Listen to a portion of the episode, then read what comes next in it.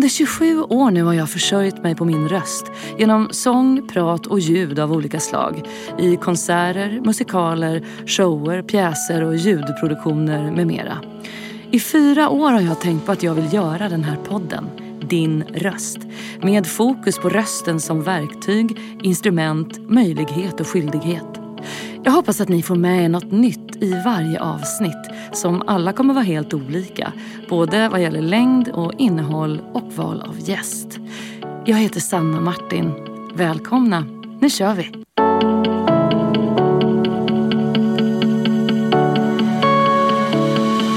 Din röst.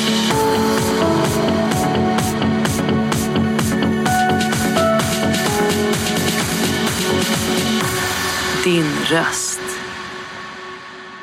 Nu ska vi se, nu då. Uh, låter den och så rör den sig. Men då är det mig en stor glädje att säga välkommen till min podd Din röst, Jens Lapidus. Tack så mycket. Eh, vi sitter i anrika Bonnierförlagens lokaler på Sveavägen en regnig november eh, måndag och ska prata röst och engagemang och med mera med dig. Det ska bli spännande. Jag vill alltså göra en podd om hur vi använder våra röster på olika sätt i samhället som ansvar, möjlighet och skyldighet. De senaste åren har jag fått en fråga fler gånger än jag kan räkna till. Hur ska Sverige lyckas stoppa det grova gängvåldet? Alla vet att det inte finns några enkla svar. Det jag kan är att diskutera juridik, till exempel den enorma mängd straffrättsliga förändringar som genomförts de senaste två åren, eller de lagar vi kommer att få. Kan det i sig vara komplicerat, eller kontroversiellt till och med, att vara en juridikens och rättsapparatens röst i Sverige idag? Eh, om jag eh, backar lite när jag ska svara på det där. Och eh, din podd heter ju liksom eh, Din röst. Och jag tycker det är ju som sagt var en rättighet som alla människor har att göra sin röst hörd. Och det kan under vissa omständigheter även vara en skyldighet. Men med det sagt så tycker jag att eh, jag har sett en utveckling de senaste 10, 20, kanske längre än så, åren. Där det blir vanligare och vanligare att man har åsikter som man uttrycker i offentligheten. Utan att egentligen ha någon kunskap, sakkunskap i ämnet som man uttrycker sig om. Det här hänger säkert samman med sociala medier som gör att alla möjliga kan ha en röst och de kan få väldigt mycket följare. Mm. Det vill säga eh, personer kan få eh, en röst inför hundratusentals, ibland miljontals personer utan att ha någon som helst credential, liksom att de överhuvudtaget kan det de pratar om. Mm. Så att det där citatet tycker jag är ganska Uh, typiskt för mig, det vill säga jag kan naturligtvis ha massor med åsikter om saker och ting och det har jag. Men när jag pratar i offentligheten, när jag liksom använder min röst som ett maktinstrument, då vill jag bara begränsa det till sånt jag kan något om. Mm. Och det är då juridikens värld och skrivande och litteratur. Och eh, möjligtvis vissa andra delfrågor, där jag, eh, mountainbiking liksom, eller vad som helst, där jag råkar ha viss kunskap. Men i övrigt tycker jag liksom inte eh, om att folk tycker för mycket i offentligheten om sånt de kan för lite om. Ja, håller med dig alla dagar i veckan. När du var barn, var du redan då bekväm i att liksom använda din röst och uttrycka dig, höra, synas framför andra? Det tror jag att jag var, eller det var jag. Eh, jag det bor en exhibitionist i mig, eh, har alltid gjort. Och jag tror att det är en bra egenskap att ha om man ska bli processadvokat. Mm. Jobbar man som annan typ av advokat behöver man inte det nödvändigtvis. Men ska man vara i rätten, vilket man gör om man jobbar med eh, brottmål. Eh, då, hu huvudarbetsplatsen är ändå i rättssalen, ska man mm. komma ihåg. Det är det ju inte för andra advokater. Då eh, måste man också vilja bli lyssnad på, tycka om att bli lyssnad på. Ha en slags fåfänglighet inför att bli lyssnad på. Eh, och det är det jag menar med exhibitionistiska ådran kanske. Man får inte vara rädd att synas, man får inte vara rädd att ta plats. Även om det inte är som i amerikanska eh, rättegångar där vi liksom står upp och liksom verkligen syns. Det är inte på det sättet inför en jury. Vi är ju inte liksom estradörer i rätten på det sättet. Nej. Men vi är i någon mening eh, centrum för eh, en visst antal människors uppmärksamhet under rättegångarna. Ja. Minns du att du reflekterade över samhällsfrågor och rätt och fel och lagar och så vidare redan när du var liten? Ja, det har alltid varit en eh, intressant eh, jag minns redan på dagis, jag är kanske fyra, fem år, hur jag på något sätt bryr mig om det amerikanska presidentvalet mellan Ronald Reagan och Jimmy Carter. Jag är antagligen typ fyra bast eller något då. Och det måste ju såklart vara något jag hade snappat upp hemma, att det här var en viktig fråga. Mm. Men liksom... Ja, det, det, det, jag minns det, det är mitt första ska vi säga, politiska minne. Eh, det var ju kanske i sig inte någon fråga om, om rätt och fel och moral, men det, det var ändå liksom en sån grej. Jag har alltid jag har varit intresserad av, av, den typen av frågeställningar, läste praktisk filosofi på universitetet och sådär parallellt med juriststudierna. Så det, det, är något som liksom har funnits där som ett mm. intresse. Du är uppvuxen här utanför Stockholm. Hur var skolan för dig? Hur mådde du i skolan som barn?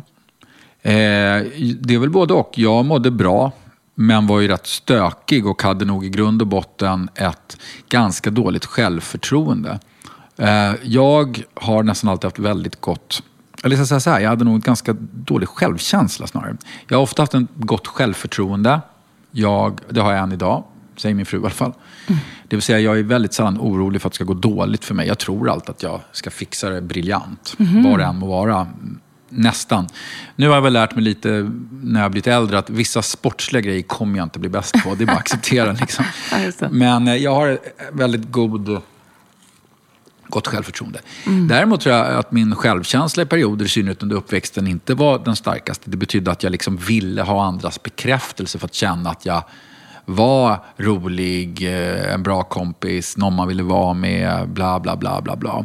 Och det där ledde, det där spädde säkert på den pratiga sidan, den exhibitionistiska sidan hos mig då, som inte är säkert är helt ovanligt hos mm personer. Men ska jag sammanfatta min uppväxt så var den väldigt god. Det är klart jag hittade på massa bus. Det är klart att det var stökigt i skolan från tid till annan. Men eh, det, det, var kul mestadels. Mm. Och vägen mot att bli jurist gick då från gymnasiet till studier som du sa själv i olika grejer, bland annat idéhistoria, medie och kommunikationsvetenskap, nationalekonomi och praktisk filosofi. Gjorde du allt detta innan du sökte in på juristlinjen? Nej, inte i filosofin, den läste jag parallellt. Men eh, jag, eh, juristlinjen är en av de där utbildningarna där folk eh, typiskt sett börjar ganska unga. Mm. Jag vet inte riktigt vad det beror på. Om det har att göra med att folk redan tidigt vet det här vill jag bli, så det är liksom någonting de går ganska snabbt till. Eller om det är för att det är sån här typiskt plugghästutbildning, så att det är liksom väldigt ambitiösa människor och de rör sig snabbare mot mm. universitetet. Eller jag vet faktiskt inte, men det var ju påtagligt. Jag lät alltså gå fyra och ett halvt år från gymnasiet. Och eh, när jag började juristlinjen var jag med andra ord typ 24 eller något sånt där. Och jag var bland de äldre. Men du var det? Jag tänkte ja. fråga dig, var du bland de äldsta i din Ja, det, det, är klart det fanns alltid någon så här övervintrad 35-åring. Men, men jag var liksom, av de som ändå gjorde det här som sin första grej i livet på något sätt, så var jag definitivt bland de äldre. De flesta hade nog kanske gjort ett år något annat, kanske mm. lumpen eller varit och pluggat på Sorbonne eller något sånt där. Just det. Det finns, liksom, eh, men sen hade de börjat juristlinjen. Det, mm. det skulle jag säga var det typiska. Sen fanns det såklart, det var blandat, jag, jag hårdrar lite. Men jag var bland de äldre. Och det här hade att göra med att jag efter gymnasiet gjorde en massa andra grejer. Jag reste runt i Asien, Nepal, Thailand, Malaysia. Jag var på kibbutz i Israel. Jag jobbade på dagis här på, på Strindbergsgatan i Stockholm. Jag Eh, pluggade massa ströämnen som jag nämnde då. Alltså, jag, jag visste inte vad jag ville göra helt enkelt. Så jag testade massa olika grejer. Både akademiska studier och eh, praktiskt jobb och resa runt i mm. världen. Och sen när du väl började på Stockholms universitet, eh, hade du redan då siktet inställt på just advokat? Eller var det liksom juridiken som helhetsämne, att den kanske kunde ta dig någon annanstans? Eller hur såg du det framför dig? Eh, jag har ju inga jurister eller advokater i släkten så att jag hade nog en ganska vag uppfattning om vad yrket innefattar och vad, vad man kan bli när man blir jurist. Och ska vara helt ärlig, jag har även beskrivit det här tror jag, i några böcker, jag har ju en huvudperson i flera böcker som är advokat. Eh, så var inte juridiken ett kall för mig på det sättet. Det är mm. inte, många människor såg det som ett kall och de liksom, eller många människor kom från släkter där farfar och pappa var liksom domare och hade varit det. Eller, eller man ser läkare och arkitekter tror jag ofta kan känna att det här är ett kall. Det här, liksom, det här, det här ropar på mig. Det här måste jag göra med mitt liv liksom, på något mm. sätt. Så kände inte jag. Utan det här var mer så här, men nu måste jag göra något. Jag kan inte lalla runt här och resa runt med ryggsäck i världen och jobba på dagis hela livet. Utan jag måste liksom get down to business och skaffa mig en utbildning som leder mot ett jobb. Så det var liksom lite sådär. Och, och eh, då valde jag en utbildning som jag vet, där språket är viktigt. Jag har alltid varit språkintresserad och använt språket som mitt vapen eller instrument. Och jag visste att, jag vet att jag var skicklig på det. Och jag har också alltid eh, varit moral, intresserad av moral och etik. Så jag tänkte, vad, vad ska man göra då? Ja, det måste ju vara jurist då, advokat. Och då började jag där och var absolut mest inriktad på den typen av juridik som handlar om rättigheter och rätt och fel och, och liksom processen där man använder munnen och ordet framför allt. Och det tror jag de flesta som börjar juristlinjen var ganska inriktade på. Det är ganska enkelt att förstå varför. Det är ungefär den bilden de flesta svenska människor har av en advokat eller en jurist. Oh ja, det tror jag också. Men det som händer under utbildningen, och det här har jag pratat med flera gamla kurser om, det, och det hände inte bara mig, det är att man under utbildningen mer och mer svänger mot att man ska syssla med affärsjuridik. Eh, och om det har att göra med att man tjänar mer där vet jag inte, eller om det har att göra med att det finns fler arbetsplatser. För det finns ju tusentals affärsjurister i Sverige, men det finns ju bara några hundra brottmålsadvokater. Ja, det är liksom. så få. Så det är liksom en Enorm helt annan business. Eh, det, det, det är inga stora verksamheter på det sättet. Nej. Och du hamnade sen eh, inom affärsjuridiken på Mannheimer Swartling. Och sen gick du över till brottmål. Ja. Minns du då ditt första mål? Var du nervös när du tog dig an det? Eh, jag var jättenervös. Jag eh, minns inte mitt första mål. Men eh, det tog ju något år innan jag blev advokat. Det tog ju fem år på den tiden. Eh, så att, och då hade jag jobbat lite på domstol, sen på Mannheimer, Swartling och sen på försvarsadvokaterna. Så att i början var jag ju då målsägande beträde.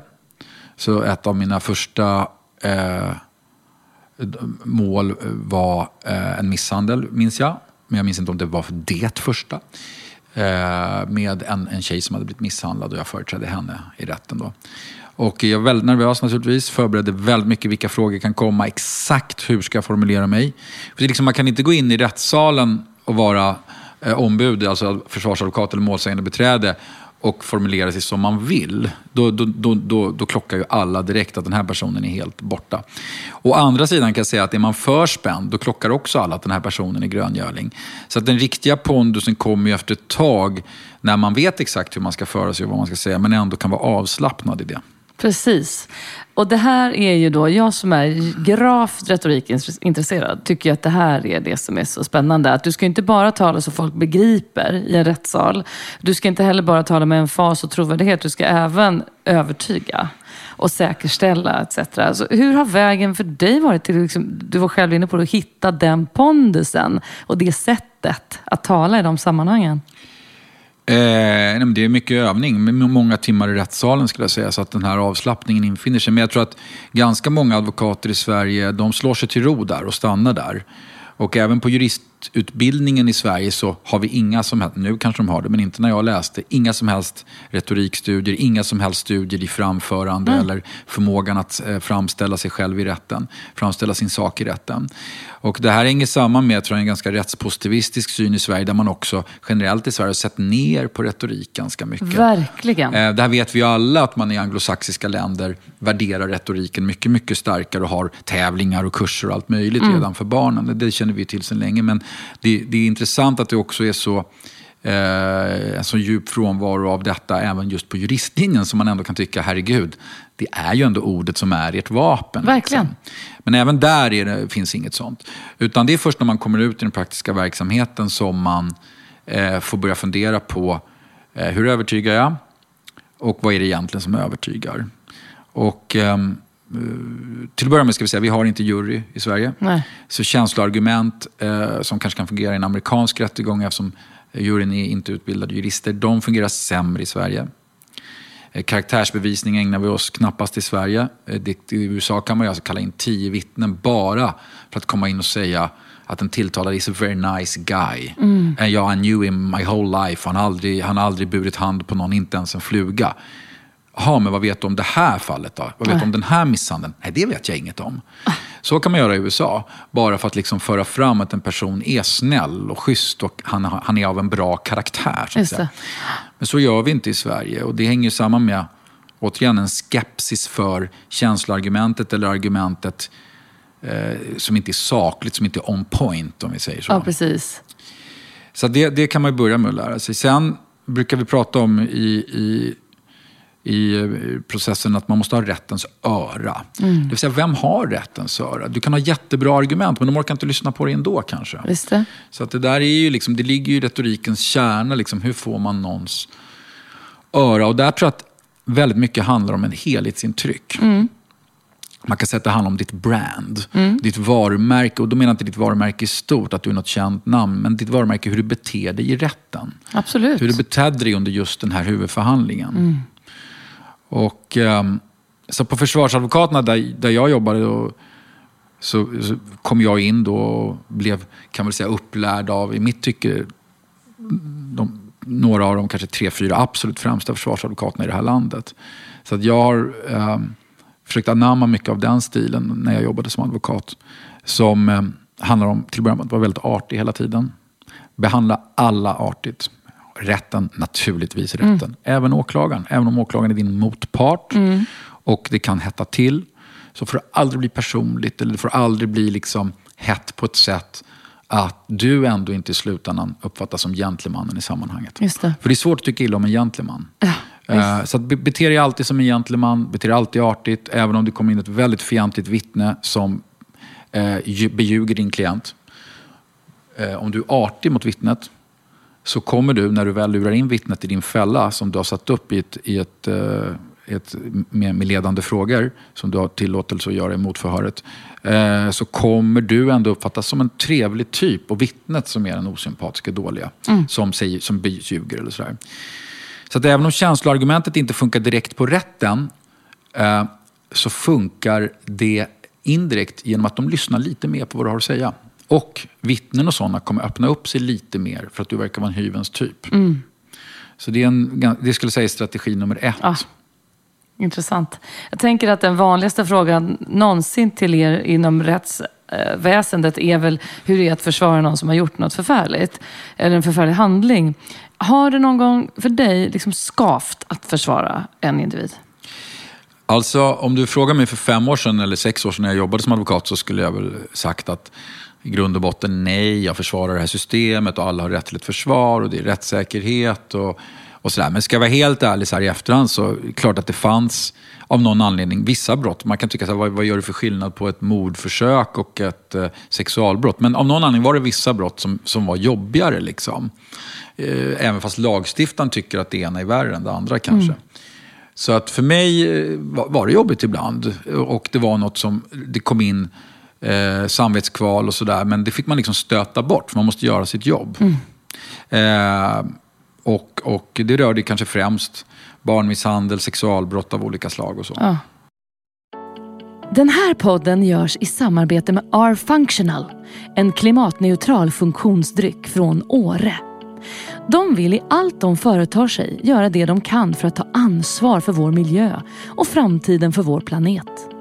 De vill att människor idag ska kunna leva och bo i samhällen fria från skadliga ämnen i både jord, luft och vatten.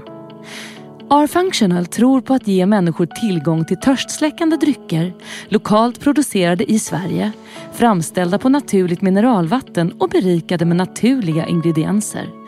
Genom ett för miljön minimalt belastande sätt levererar de fossilfritt från sin tillverkning i Åre och ut till sina kunder i resten av Sverige.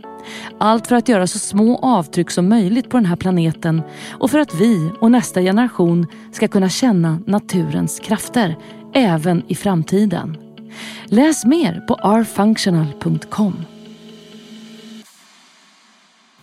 Mitt intryck av dig har i härlighetens namn faktiskt mest blivit till på Instagram då jag har följt dig ett tag. Och jag upplever dig som väldigt bildad, en form av modig, mångsysslande författare som verkar vara bra på mycket. Bredvid juridiken och skrivandet så har du ganska nyligen dragit igång ett produktionsbolag för film och tv och du är även TV4s expert i rättsfrågor. Har det varit självklart eller lite läskigt för dig att ta kliv in i olika arenor och använda din röst och kunskap på olika sätt? Nej, jag tycker inte sånt är läskigt. Alltså som jag sa lite tidigare så har jag oförskämt gott självförtroende. Inte nödvändigtvis lika god självkänsla. Eh, Men, eh, och det där goda självförtroendet, det är lite...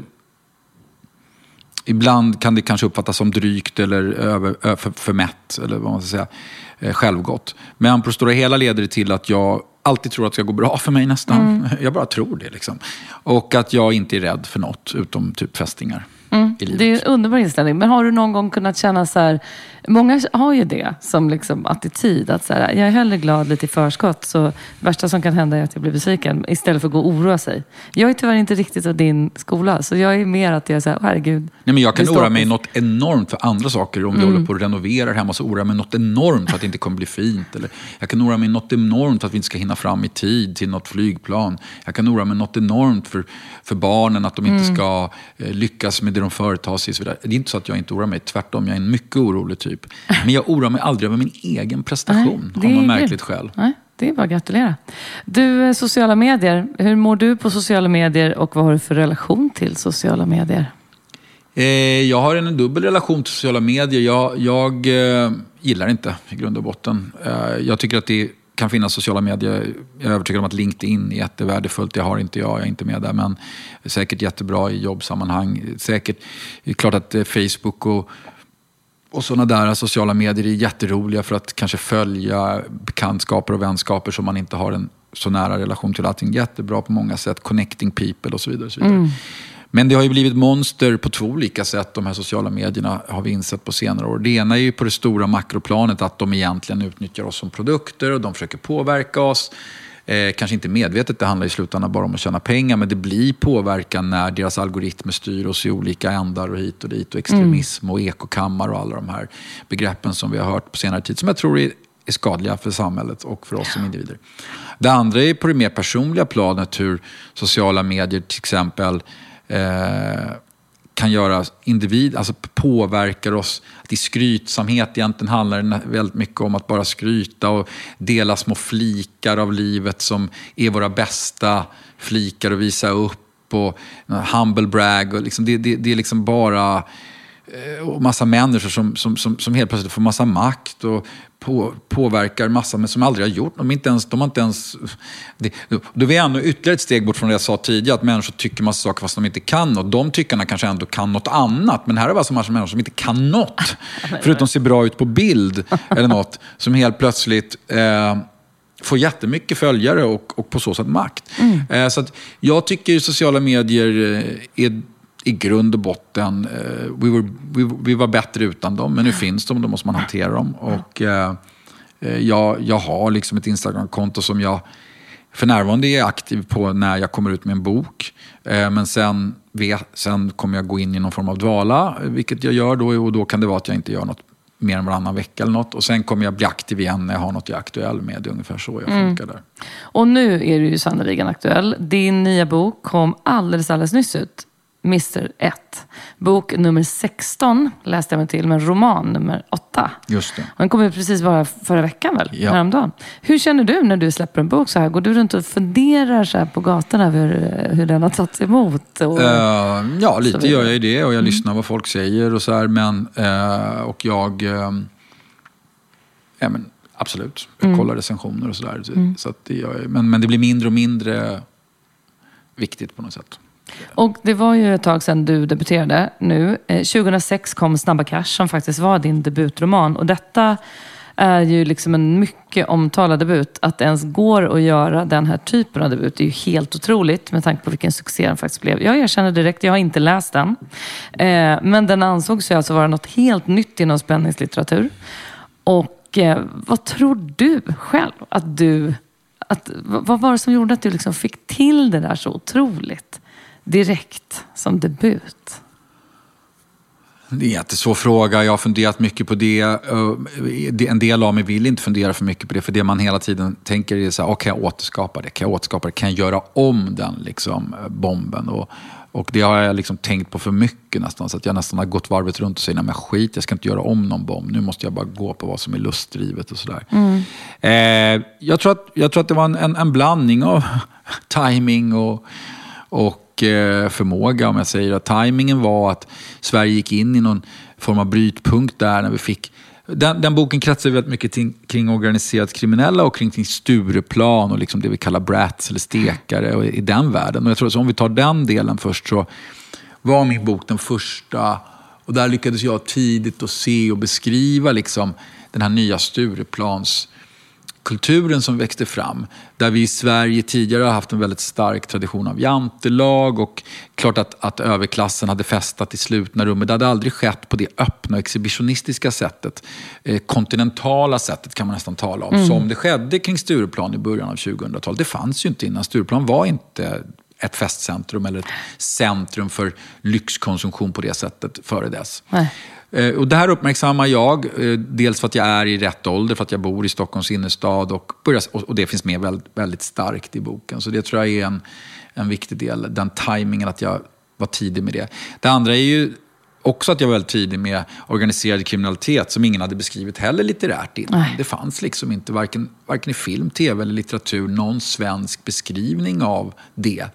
Så det tror jag var också att jag var tidig med. Och varför jag var tidig med det kan jag väl bara säga att jag, jag, jag såg någonting när jag jobbade i rätten, i domstolen, som, som, som jag tyckte var väldigt fascinerande och som jag också tyckte var väldigt tragiskt. Som jag började skriva om och så, så, så var jag först ut. Liksom. Ja, så det ja. tror jag, Sen tror jag litterärt att jag var ganska kaxig, använde en väldigt, väldigt hård staccatoartad stil, väldigt mycket slang, väldigt mycket kolon som, som jag tror jag var vågad. Där, och där får jag väl bara säga så här, där valde jag nog ett sätt att skriva på som många inte hade gjort. Jag tror många andra mm. hade valt en mer ordinär prosa och där var jag kaxig och modig och trodde på mig själv. Väldigt inspirerad av några amerikanska författare. Men, men liksom, så det, det, tror jag var ett, det tror jag var rätt val av mig att göra. Jag minns min förläggare då, Annika, hon först var hon inte min förläggare. Liksom hon, det här är en jätteintressant bok, men din handling är jättefascinerande, vi har inte sett det här tidigare. Men ditt språk är för hårt. Det är som en ridå, liksom. det går inte att tränga igenom riktigt, det går inte att komma igenom riktigt. Så du måste ändra det. Mm -hmm. Så jag, jag kommer ihåg att jag sitter första sommaren då, 2005 innan boken ska komma ut och redigerar hela boken, varje mening och lägger in oh. liksom, subjekt och predikat och fullständiga meningar så att allt ska bli så här svensklärarriktigt. Um, och sen när jag kom tillbaka efter sommaren så säger hon, nej men du, jag hade två lektörer, vi läste det över sommaren, vi gillade det som det var. Så då, man, man ska tro på sig själv, liksom, men det är lätt att säga så här i efterhand.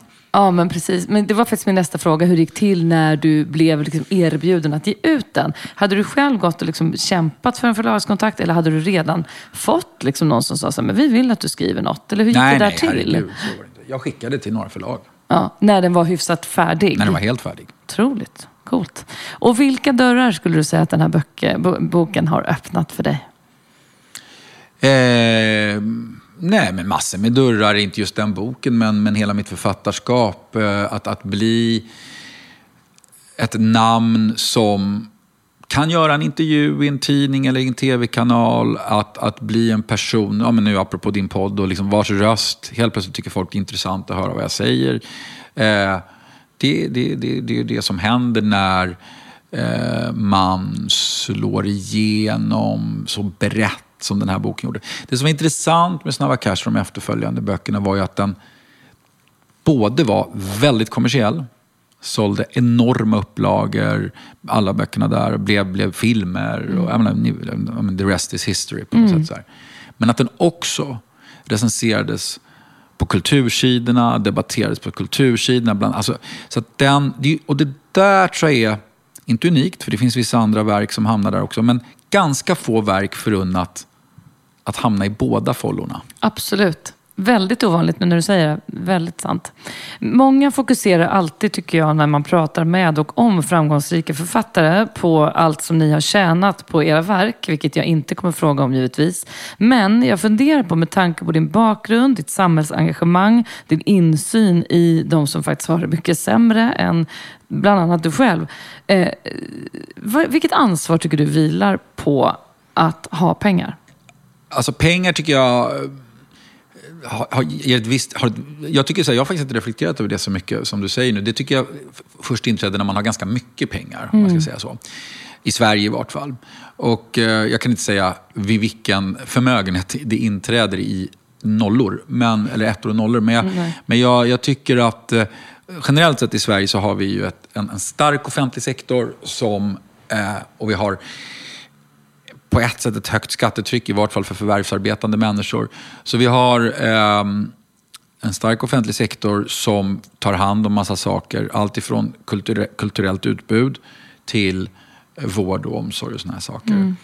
Eh, och det leder till att eh, så länge man är med och gör rätt för sig och sådär så, så har du liksom intäkter inom någon slags normalitetens gräns så tycker jag väl att eh, då, då tycker jag inte att ditt ansvar är, är större än någon annan. Men eh, när du börjar få en förmögenhet som liksom överstiger, ska vi säga, ett gott liv. Du har över helt enkelt. Då måste man börja fundera på så här, varför ska du sitta och lägga på hög och bara ha över? Eller ska du springa och köpa en lyxjott? Eller ska du hjälpa någon? Och då för mig, då inträder någon form av ansvar. Mm. Jag kan inte säga när det är. Däremot så, så jag, jag, jag har inte tänkt så mycket på den frågan egentligen som du säger nu, måste jag säga.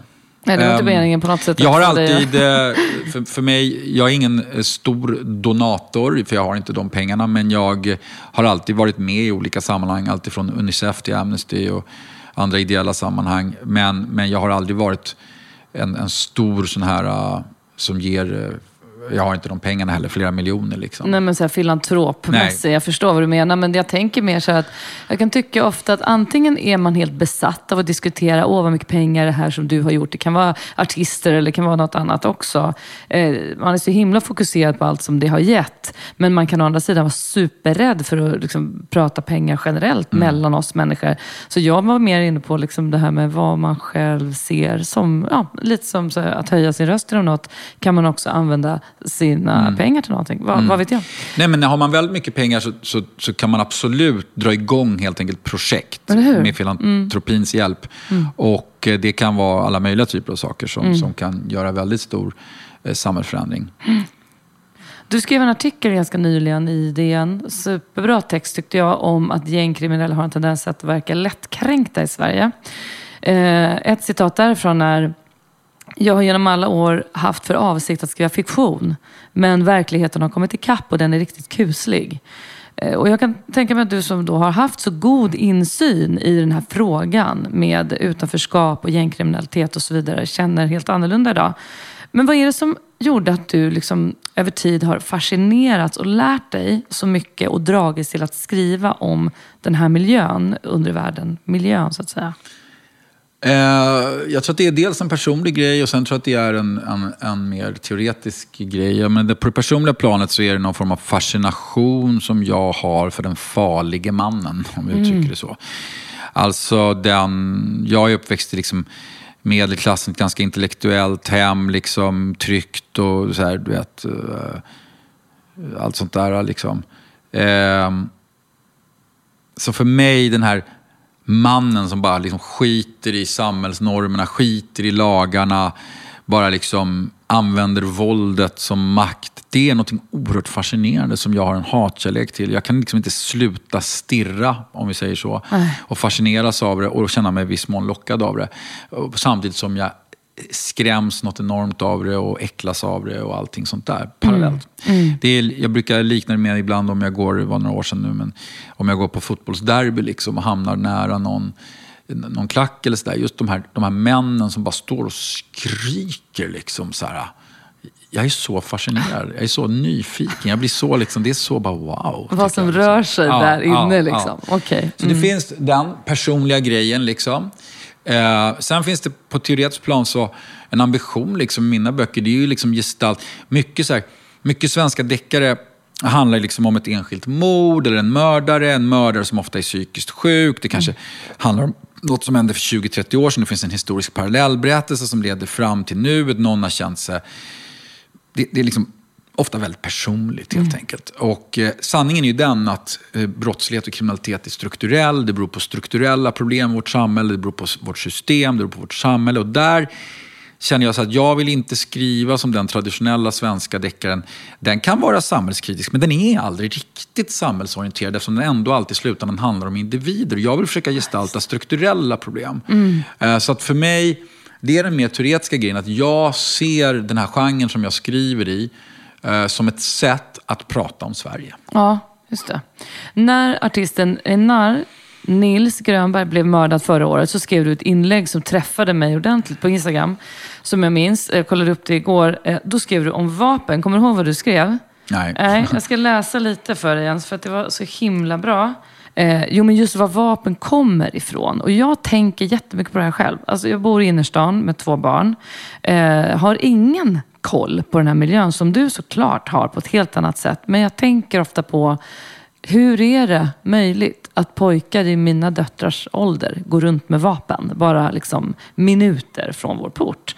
Du skrev bland annat då att utan att veta vad som har hänt nu kring det här mordet, eh, eller hur det har en koppling, så vet jag att många undrar var vapnen kommer ifrån. Hur tonårsgrabbar plötsligt kan vara beväpnade. Och en bister sanning är att många av vapnen är framtagna av inhemska vapensmeder. Och då det refererar till en bok bland annat som heter Vapensmederna. Och att den illegala vapen vapenmarknaden och den legala faktiskt har beröringspunkter och flyter ihop. Eh, vad tänker du kring det här idag? Jag tänker liksom om du kan minnas vad du typ Ja, det var en bok tänkte, som för det här var lite här, nytt eh, för mig för ett faktiskt. år sedan ungefär. Som, som, ja, men det har ju varit en väldigt stor fråga, var kommer vapnen ifrån? Ja. Och eh, man har pratat om att det finns en stor tillgång på vapen i Sverige. Eh, och eh, att det är ett av skälen till de här eh, skjutningarna. Jag vet inte hur det förhåller sig med eh, frågan om tillgång. Det vill säga, eh, är det större tillgång här än i Frankrike eller Belgien? Det har jag ingen aning om. Mm, nej. Men vi kan konstatera att det uppenbarligen inte är särskilt svårt att få tag på de här vapnen i vart fall. Och det, det man ser då i den här boken, till exempel Vapensmederna, det är att visst, en del av vapnen är från till exempel Balkan och, och forna kriget där nere.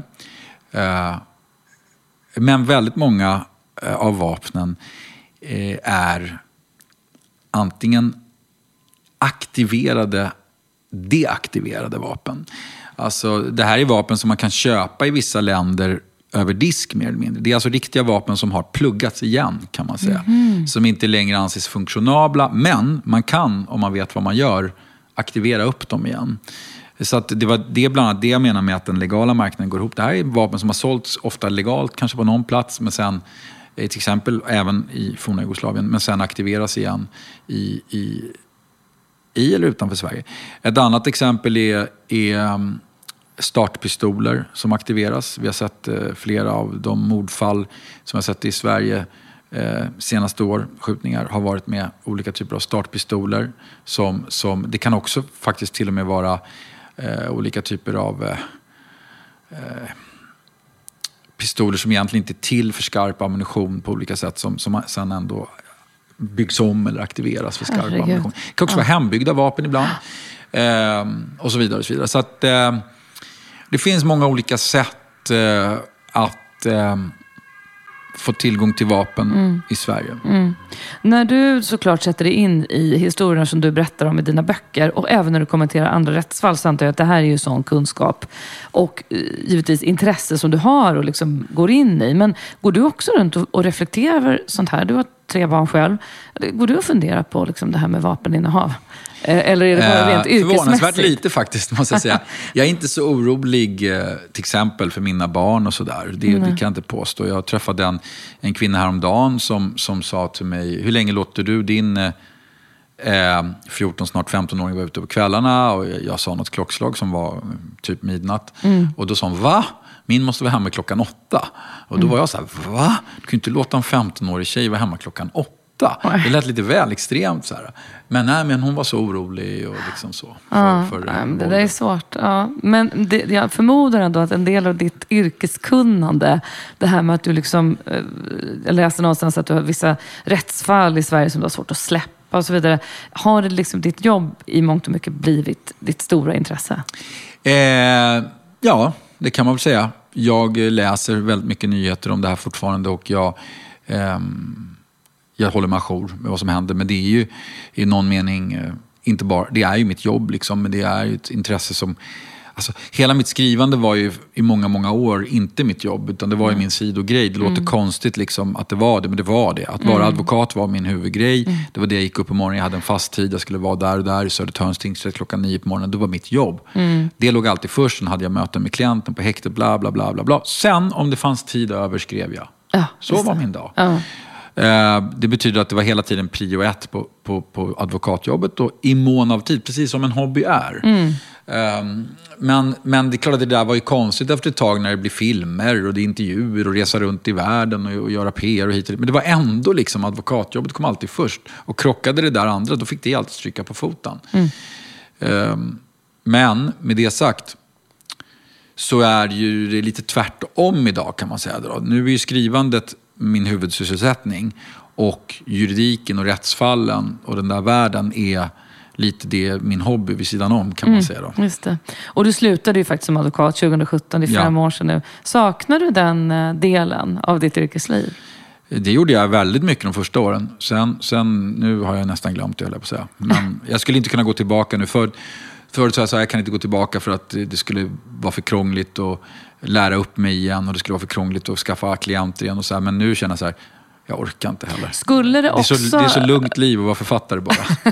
skulle det också kunna vara så, eh, bara en nyfiken fråga, att ditt, eh, ditt eh, liksom Jens Laprides författaretos skulle stå i vägen för att försvara någon, att vara advokat igen? Kanske i början, men jag tror man går in i rollen och har man väl, har man, jag har ju väl varit där. Jag tror att jag skulle kunna komma in i det tänket igen. Men jag, jag skulle inte kunna göra det igen. Det är många skäl till det. Jag, jag, eh, ja, men liksom, jag, jag har inte den energin att ha två jobb längre. Nej. Och jag har inte heller... Det skulle, det skulle också bli pinsamt att komma in som en offentlig person och vara försvarare men ändå liksom inte vara lika påläst som sådana som... Jag har ändå tagit det på... Alltså, det är väldigt mycket praktisk kunskap i där, hur man ska hantera saker. Det ska man komma ihåg att i, i processjuridiken, det roliga med det är att väldigt mycket uppstår ju liksom live, ad hoc, liksom på studs i domstolen som du inte kan förbereda dig för. Nej. Du måste bara kunna hur du ska göra i de situationerna. Mm, precis. Du är ju då sedan ett och ett halvt år tillbaka rättsexpert i TV4 i Efter fem bland annat.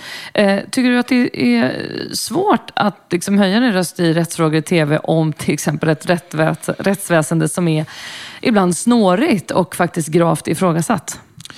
Nej, jag tycker inte det just därför att jag känner att jag bottnar väldigt mycket i, i min kunskap i de här frågorna. Däremot så har jag tyckt i den politiska debatten ibland att så här, ja, jag ska ändå vara expert där, jag ska vara sakkunnig, jag måste kanske lite grann så här, vi hade väldigt många inslag innan valet där vi satt och gick igenom de olika partiernas förslag. Jag tror vi hade fyra, fem sådana olika typer av inslag eller, eller reportage. Och då, då kände jag liksom så här, ja, men jag kan inte bara klanka på det här gänget. Jag måste liksom balansera lite.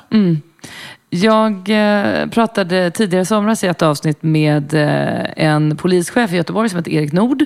Som eh, då var områdeschef för Storgöteborg och har varit väldigt engagerad i den här typen av kriminalitet som vi pratar om i det området.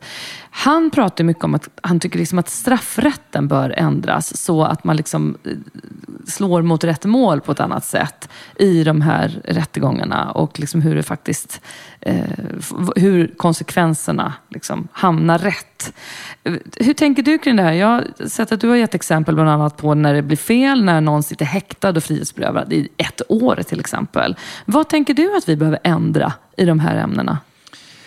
Ja, det här är ju lite av ett eh, favoritämne just nu i och med att det har varit så mycket i valet och det kommer fortsätta vara i samband med det här Tidöavtalet nu. Då. Eh, jag tycker, till, till att börja med gjorde man en ganska stor förändring i, i ehm, narkotikastraffrätten eh, för eh, ganska många år sedan nu egentligen, kanske åtta år sedan eller sånt där. När Högsta domstolen ändrade praxis till att man måste titta på alla omständigheter lite mer än att bara titta på mängden narkotika. Tidigare var domstolarna ganska eh, stelbenta och så, så här, är det den här mängden döms det till så här mycket. Är det den här mängden av det här typen av narkotika döms det till så här mycket. Man hade långa listor. Så här, som, faktiskt härstammade från den tingsrätten där jag satt ting som hette Sollentuna tingsrätt, de här listorna. Eh, och eh, de använde man ganska strikt. Det blev rätt stelbent. Det betyder att en maffiaboss eh, som styrde över hela verksamheten kunde få eh, och, och kuriren som hade svalt själva kokainet i magen, eh, en jättefattig människa som bara gjorde det där för några tusenlappar, fick samma straff. Så kunde det nästan bli i extremfall.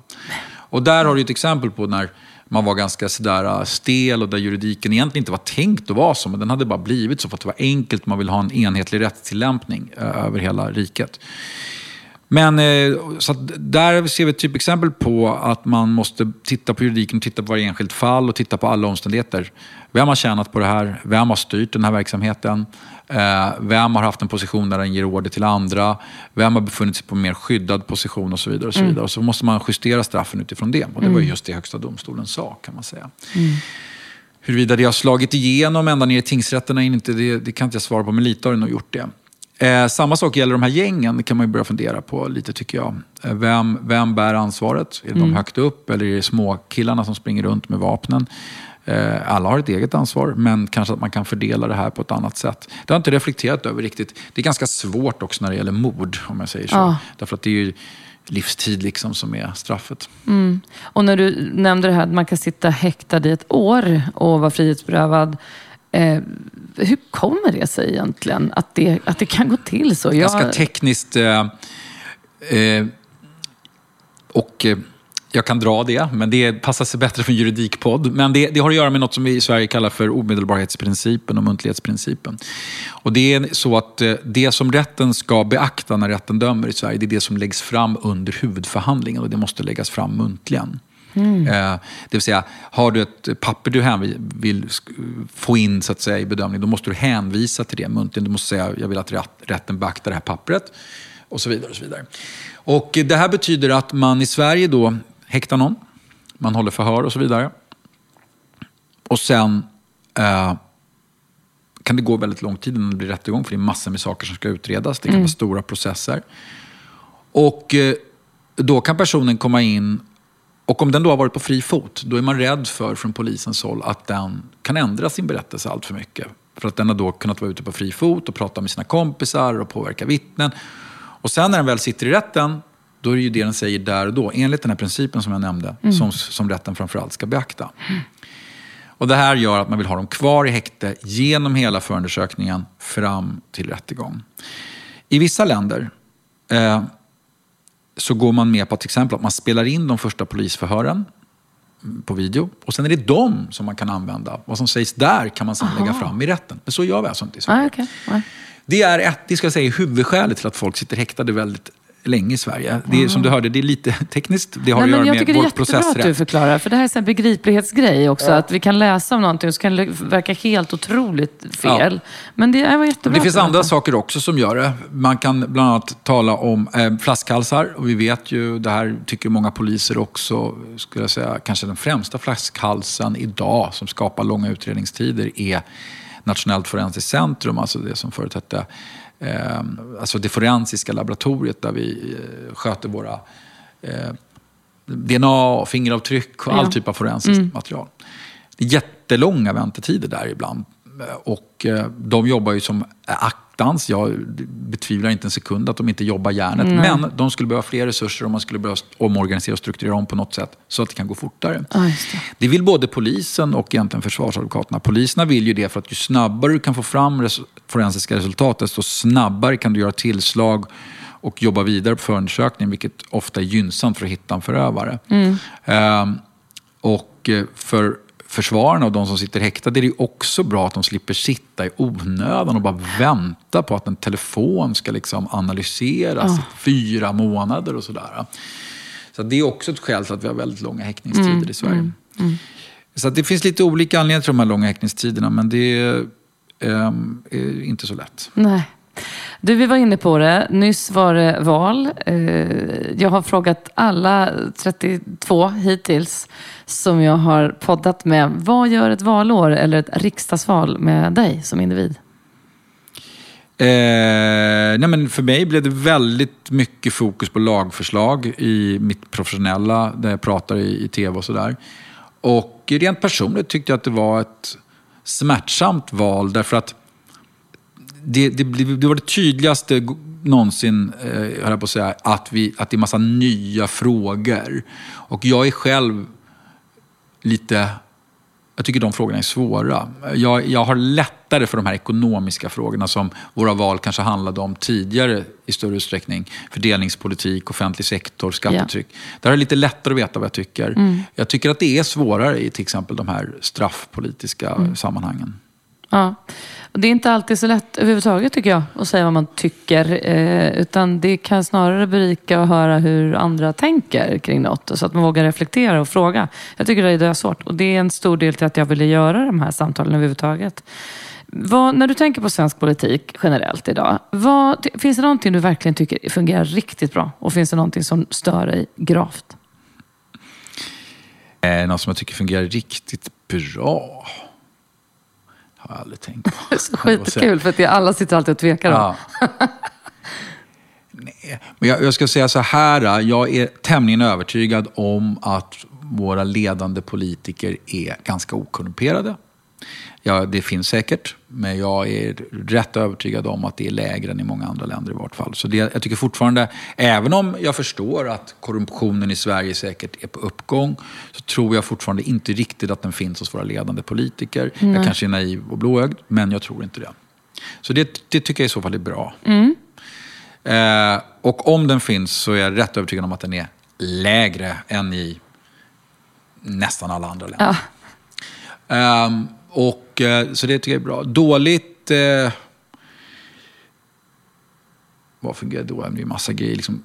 Jag, menar, jag, jag, skulle vilja säga att jag stör mig på att tonläget är så drygt och hårt och sådär. Men sen läste jag någon, någon artikel här för um, under valet som sa att nej, men det var jätte jättehårt mellan eh, Palme och Gösta Boman också. Liksom, så det är inte alls hårdare idag. Så jag tycker det är lite svårt att värdera. Vad är ett hårt klimat och vad är rimligt och vad är inte rimligt? Och att det har varit hårt tidigare, det, det har det säkert varit. Bara mm. att jag inte minns det eller känner till det riktigt. Ja. Så, att, så att det, det, kan ju liksom hänga samman med det. Att man tycker att det är värre, det var bättre förr. Det kanske inte var det. Liksom. Mm, jag, jag, kan inte riktigt svara på nej, det faktiskt. Precis, eh, så att jag, men jag tycker väl att... Eh, jag gillar ju liksom inte den här Sverigedemokratiska, där det hela tiden upptäcks nazister. Va? Det, det tar man inte på allvar, kan jag tycka. Nej.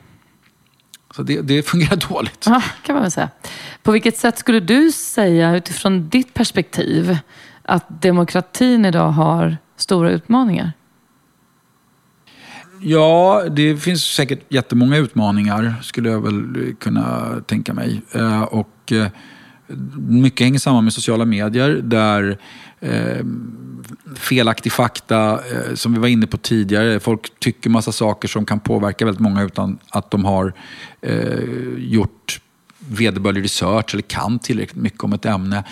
Eh, felaktiga teorier, konspirationsteorier till och med. Eh, eh fakta.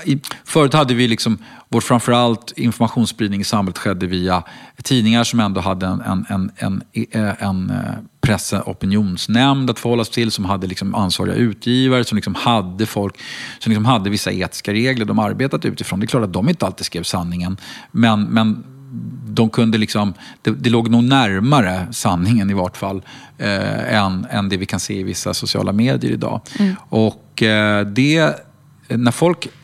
Demokrati innefattar ju många olika saker. Eh, det innefattar folkstyre, men innefattar också eh, vissa rättigheter mm. i ett mm. samhälle. Så det är de två elementen vi har i begreppet demokrati. Men om man ser till folkstyret så fattar ju folk sina beslut eh, på ändå någon form av information de får. Och om den informationen är felaktig, mm. då, då blir det liksom, hur ska vi säga, Ja, det är fortfarande demokrati. Folk röstar ju. Och det har de all rätt att göra. Men de röstar ju baserat på lögner. Det är ett problem. Just det. det är absolut ett problem. Du, um, dina romaner har ju bland annat hyllats för att de har fått unga män att läsa.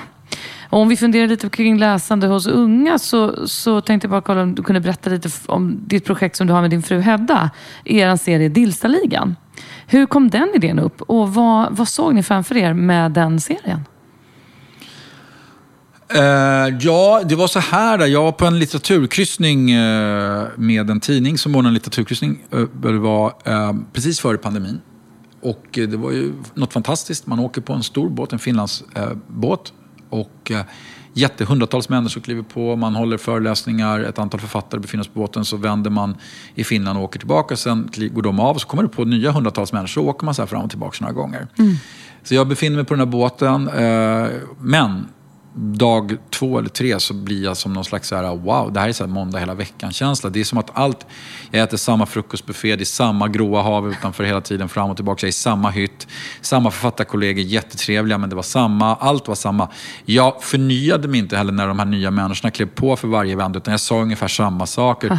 Så, jag, så jag satt där och bara, shit, jag, jag, jag befinner mig i en loop nu. Jag måste bryta mig ur och göra något helt annorlunda. Och då sätter jag mig i den där hytten, kommer jag ihåg, i en, i en lång paus och skriver något jag aldrig gjort förut, nämligen en barnbok. Och ah. eh, det där blir ungefär halva första boken som jag bara skriver i ett race. En så här eh, väldigt dyrbart och ovanligt flow-race som varar ganska länge då. Mm. Eh, så det är startskottet på den här Dilstaligan som första boken skrev jag själv då. Sen har skrivit Hedda och jag tillsammans. Och, eh, den ambitionen är humor. Ambitionen är en mix av eh, Loranga Massarin D'Artagnan och Lasse-Maja och eh, Karlsson på taket. Jag vill liksom jag vill föra in en skruvad humor och saker som utmanar lite men ändå, inte, men ändå ska vara barnvänligt. Så mm. det handlar om en tjuvliga, liksom, fast en väldigt snäll tjuvliga. Då. Jättekul. Det får vi skicka med som tips till de som har eh, barn i den målgruppen. det är illustrerade böcker, då, så de, det är väl typ 6-10 år kanske som är ålders, ah, eh, åldersmålgruppen. Du har tre barn själv. Eh, vad känner du att du helst skulle vilja att de får med sig utav dig i sina liv? Eh, energin. Gud, vilket kortaste svaret hittills. Bra svar. Du ska faktiskt få en fråga av min, eh, en tidigare gäst som jag träffade bara faktiskt häromdagen. Du får gärna skicka vidare en fråga till min nästa gäst. Jag ska träffa författaren Jens Lapidus nästa vecka. Mm. Åh, mm. oh, vad spännande. Eh, jag har ju läst flera av hans böcker. Han är en väldigt begåvad författare. Men jag är nog kanske ändå mest intresserad av judendomen.